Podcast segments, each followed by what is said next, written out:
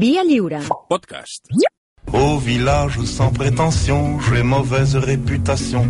Que je me démène ou que je reste quoi, je passe pour un je ne sais quoi.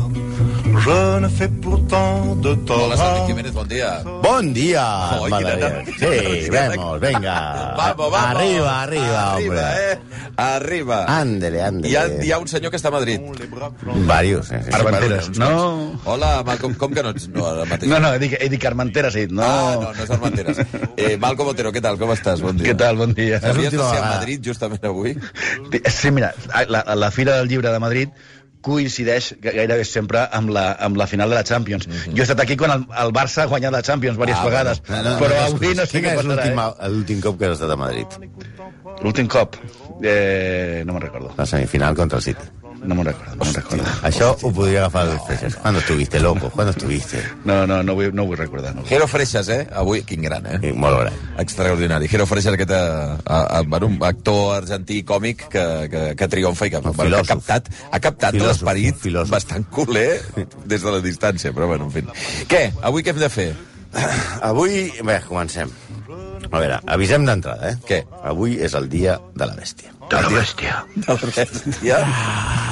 666? I així actuarem en conseqüència. Però I per per què? què és el dia de la bèstia? No sé.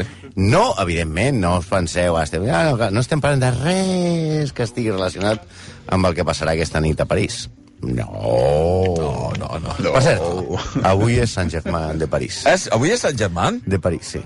sí. Avui ja no Però això no vol, dir, lo no de- vol dir res, no vol dir res. Perquè també celebra Uruguai, avui també a Uruguai és el dia del geòlogo. El dia del geòlogo. Sí, que em sembla meravellós, sí. Casualitats que no tenen res a veure. Que avui sigui, concretament, el 148è dia de l'any. I que aquesta xifra comenci amb 14, no ens Prou. ha de preocupar per res. No comencem, eh? No comencem, Tampoc, eh? tampoc ens ha de preocupar res que un dia com avui, però de l'any 722, Don Pelayo, No, madridista declarat, no, què... què iniciés la reconquista a la batalla de Covadonga després d'un sopar de penyes amb un avantpassat de Tomàs Roncero. No ens ha de preocupar, no. Ni que tal dia com avui, però el 1838 naixés... Eh, eh, 938, perdó. Jerry West, el- l'alè dels Lakers, que és el tio que més finals ha perdut de la història. No, que té un, però té un anell, té un anell, Sí. eh? Per compensar, oi, el xiquito de la calzada, que no sé Sí, senyor. si... Sí. Heu entrat a Google, no? Sí, no, no, jo ho, ho havia mirat abans. Ho Google m'ha copiat a mi, ah, vale, vale. amb Pegasus m'han copiat a mi. Tot són dades sense importància que no ens han de preocupar res. Ni que el 28 de maig de 1890 el senyor Elijah J. Bond patentés la Ouija. Per tal de que Roncero, l'actual, no el que va estar a la Covadonga, pugui invocar l'esperit de Juanito. No comencem. Però nosaltres no creiem en aquestes No, coses. No, res, gens. no, no. I Gens. estem molt tranquils. Però molt, eh? Perquè confiem molt en Johnny. En Johnny Walker, evidentment. bueno, però per bèstia, dia de la bèstia, el nostre personatge d'avui, que és el model d'il·lustre execrable eh, per antonomàcia. Venerat, exitós, admirat, exemple de solidaritat, de caritat, condecorat per la reina d'Anglaterra i per Juan Pablo II, te quiere todo el mundo, que el va fer el 1990 caballero comandante de San Gregorio Magno. Hosti, quin càrrec, eh? Grandiós. Caballero comandante de San Gregorio Magno. Ja, no t'hi cap a la targeta. Uau. Un tipus amb tant èxit a Anglaterra que es podria comparar als Beatles. Mira, un altre del Liverpool que em surt. Presentador estrella de la BBC al mític programa musical Top of the Top Pops, Sí. que tenia una audiència mitja de 15 milions d'espectadors durant molts anys.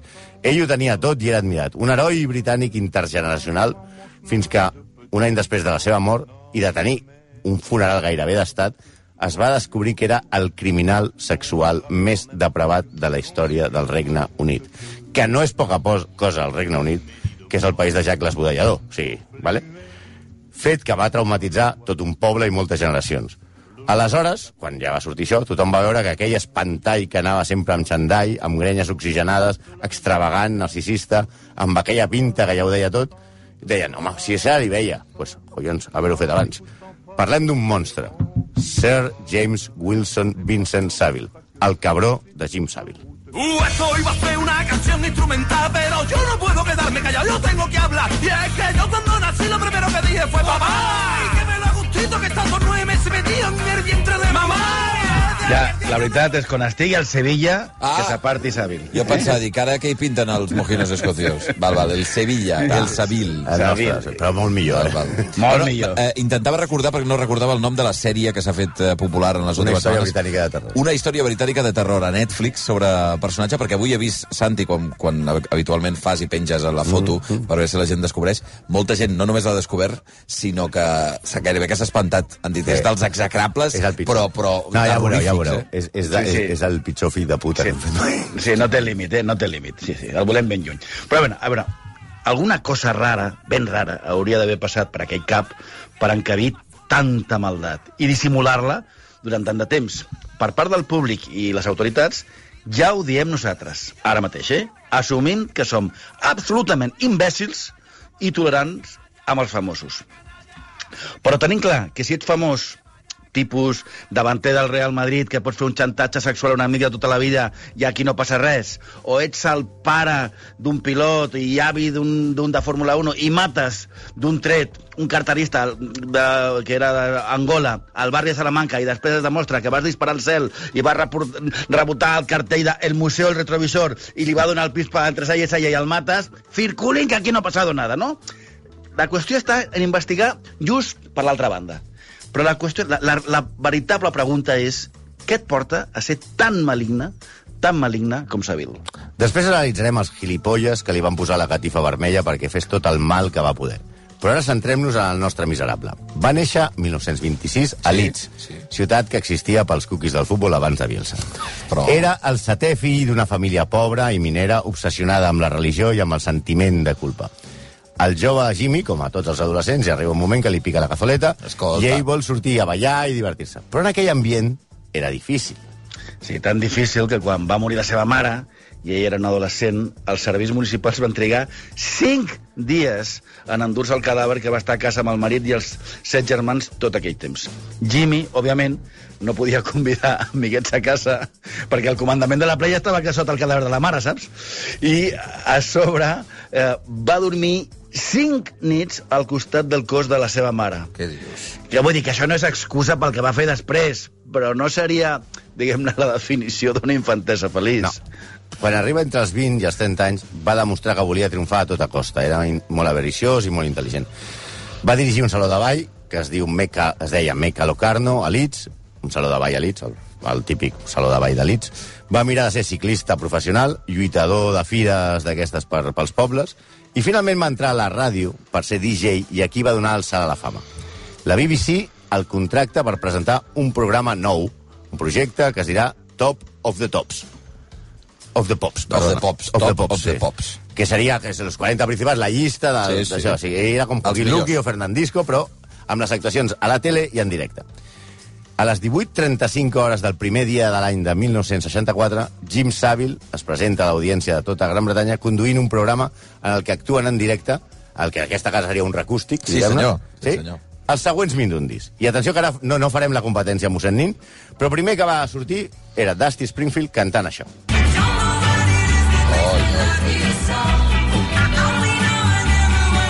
Després de Dusty Springfield van actuar Dave Clark, The Swinging Blue Jeans, però no els posarem tots, no. Però també van actuar aquests, The Hollies.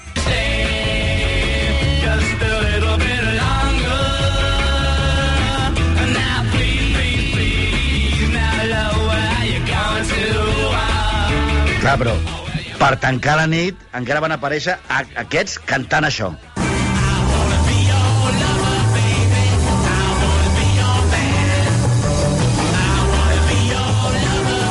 Se vayan, que no hi más. També aquella nit, en directe, Jim Savile va acabar el show amb un grupet que acabava de començar, que buscava certa promoció, i en directe, eh, també, òbviament. Parts de l'ESO, imagineu que després de que els que han cantat ara, que serien els Rolling Stones, que serien ara els Amics de les Arts, venen els altres. Poseu el nom que voleu. Així va tancar el programa, amb la novetat de la setmana. Oi, oi. En directe. Tots al plató.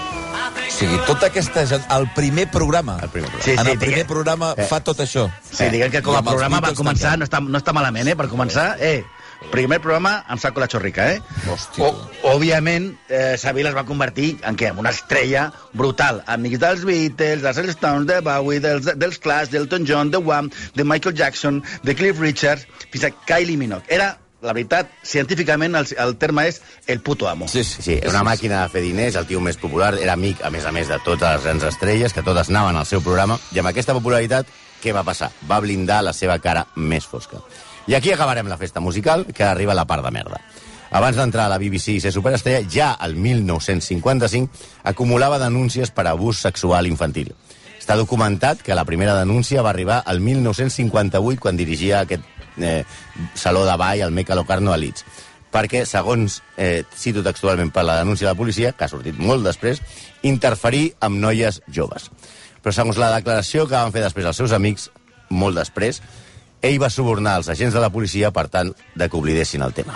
Sí, tot això abans d'anar a la BBC i ser un dels tipus més famosos d'Anglaterra. Pa- Bueno, per, per comparar, no, bueno, no es poden fer comparacions, No. però és un... Uh, o sigui, dels, això, eh, dels 10 personatges Durant més dècades, coneguts... durant dècades. Exacte, absolutament transversal i allargat en el temps. Des de, eh? sí, des dels 50 fins als 80-90. Sí, i en aquests anys, del, del 55 al 80, consten ja set denúncies formals a la policia contra ell.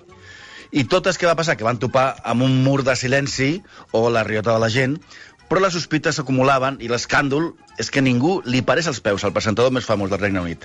A la BBC tothom era conscient dels problemes de Savile, però ningú deia res. És això, li agrada la carn poc feta, li agradaven joves, deien. Sí. Va ser a partir de la seva retirada de pantalla quan el 2007 la policia de Surrey va rebre nombroses denúncies d'adults que asseguraven que quan eren nens, als anys 70, havien estat violats per Savile a l'hospital de Stoke, a l'escola Staines i a un hospici de la illa de Jersey. I és que aquesta escòria humana va aprofitar la seva fama per fer-se voluntari hospitalari i tenir accés a hospitals, Oi, oi, oi. institucions mentals Oi, i oi. reformatoris per consumar la seva vilesa. Oi, oi, oi, oi. Sí, la, la, la premsa i el públic anglès es van prendre la tasca aquesta solidària de Savile com una excentricitat o un gest de magnanimitat.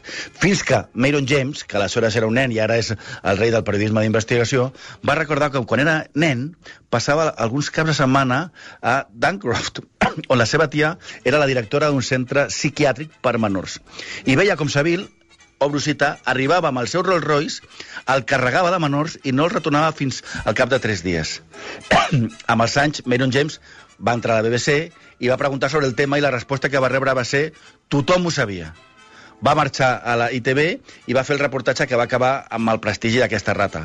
I amb permís de la Gemma, de la Marta, de la Jaula de les Loques i de la Maria de la Carlota, de les senyores de Copa i Puro, només ens queda apel·lar a Paquita, la del barrio.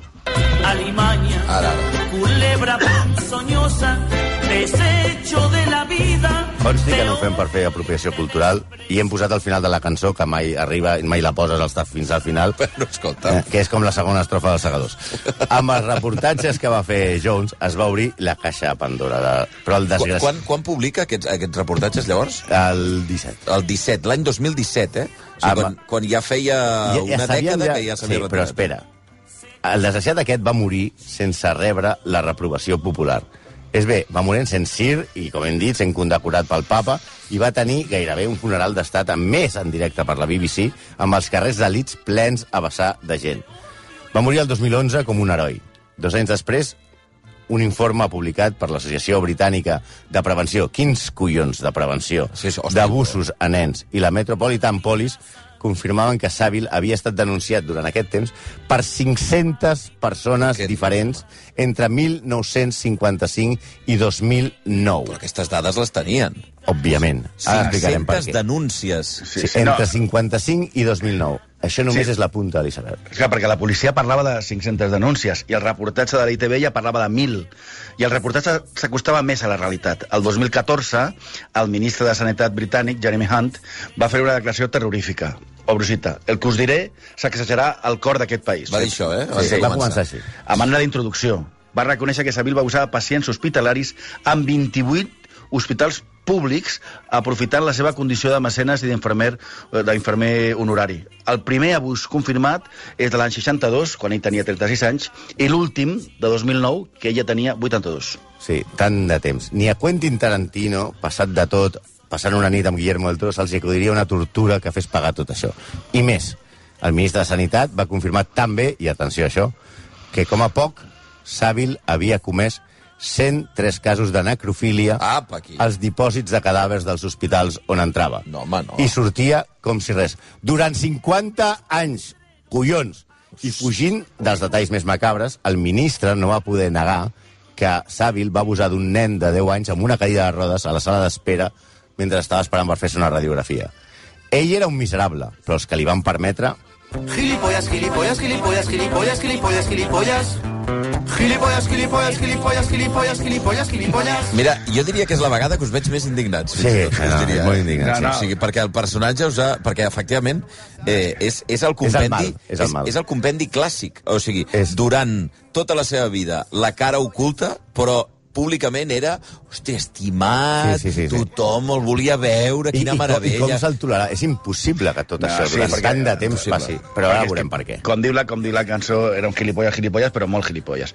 Perquè si es revisa A més a més, això.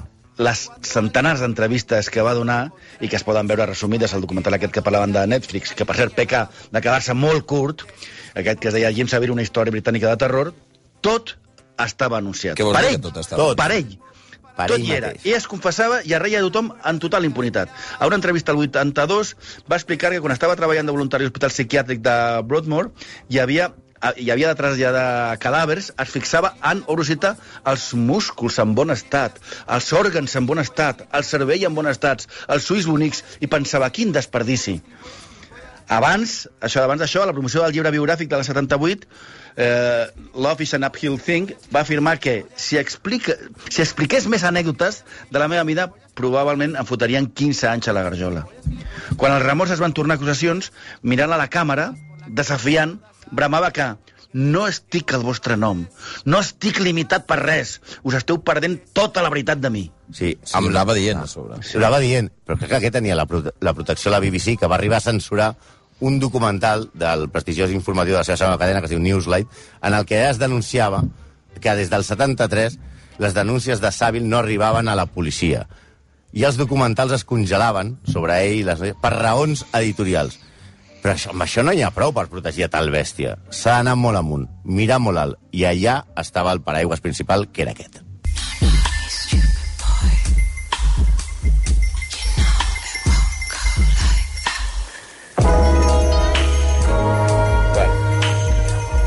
Queda clar és que és que l'escòria aquesta estava protegida per la corona britànica. D'aquí la cançó de Me Charles Stupid Boy. Segons va desvelar el diari The Times, que no seria el més antimonàrquic del món, diguem-ne, Savile i el just del príncep de Gales van mantenir una correspondència setmanal durant més de 20 anys.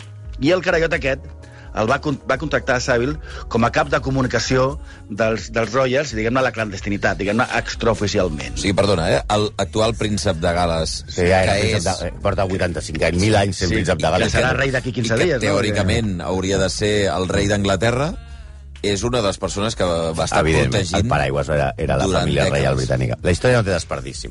El 1988, un avió de la Panam té una, es posa una bomba, un atemptat, després d'enlairar-se des de Londres, destí Nova York, i s'estavella només enlairar-se a la localitat escocesa de Lockerbie, l'atemptat de Lockerbie.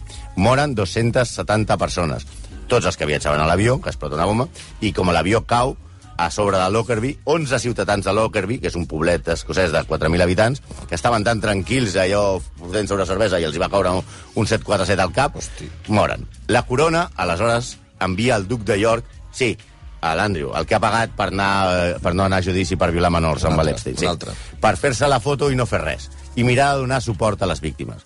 Era un dels primers actes públics d'aquest capullo, i aquest diu, arriba allà i davant de totes les càmeres diu una cosa tan empàtica com aquesta, o brusita. Suposo que, estadísticament, en algun moment, una cosa com aquesta havia de succeir. Només ha afectat a la comunitat de manera molt minúscula. Això va dir. Això, sí. Clar, què va passar? Que es va liar parda. On va? La popularitat de la corona va caure en picat i va ser aleshores quan el capità dels idiotes, que és el príncep Charles, va prendre la decisió de contractar Savile com a conseller de comunicació extraoficial de la família Monster, Monsterwood i de la família Reial, que va elaborar, el, el Savile va donar un manual de comunicació pels Royals per tal de traure el poble britànic i especialment, especialment el jovent a la monarquia amb accés més directe a la reina i al duc d'Edimburg. No cal dir que a partir d'aleshores qualsevol investigació, denúncia, el que fos sobre Sàvil, violant nens, cadàvers o el que passava per allà, no passava de la primera taula. Va morir sent cavaller britànic i va tenir els sants pebrots de posar a sobre a la seva tomba una làpida de 4.000 lliures, que es pot trobar, si busqueu a Google, eh, eh, Jim Savile Grave, eh, amb l'epitafi de va estar bé fins que va durar. Quan van sortir totes aquestes atrocitats a la llum, la família va ordenar treure la làpida per respectar els altres morts enterrats al cementiri i va ser triturada i enviada a un abocador. Per favor. Bueno, dit això, us diem, el dia només pot anar millor, eh? és que... És que eh, quants, quants execrables portem? 200, 274. eh, 274. Eh, pot ser que sigui... Bueno, no sé si és el número 1, eh, però... És el mal. És el mal, no? És el mal, sí. Jo crec És que el mal, i- és el mal i l'estupidesa dels que el van emparar durant tant de temps. Perquè més, eren molts, no era només la corona, que I ja molt, és de, molt, i, i molt de temps. molt de temps a tots els I espais. després tothom deia, no, sí, tothom ho. Però si a més a més, ara tothom diu, el veus la pinta, el, la, la, és un mamarratxo. Hosti, no, no, no. Veient fotos, qualsevol que busqui ara, si no coneixia Jimmy Savile, eh, vaja, el veus i fa por veure-li ja. Sí, és, és, és, és Belcebú. És Belcebú. 11 nada. i dos minuts, doncs vaja, el... Sí, sí, efectivament, ara només pot anar Ah, millor. veus? Per això ho hem fet. No, està perfecte. Vamos! Està perfecte. Vamos, Rafa. Amunt, amunt. Després de Jimmy Savile tot pot anar una mica bé.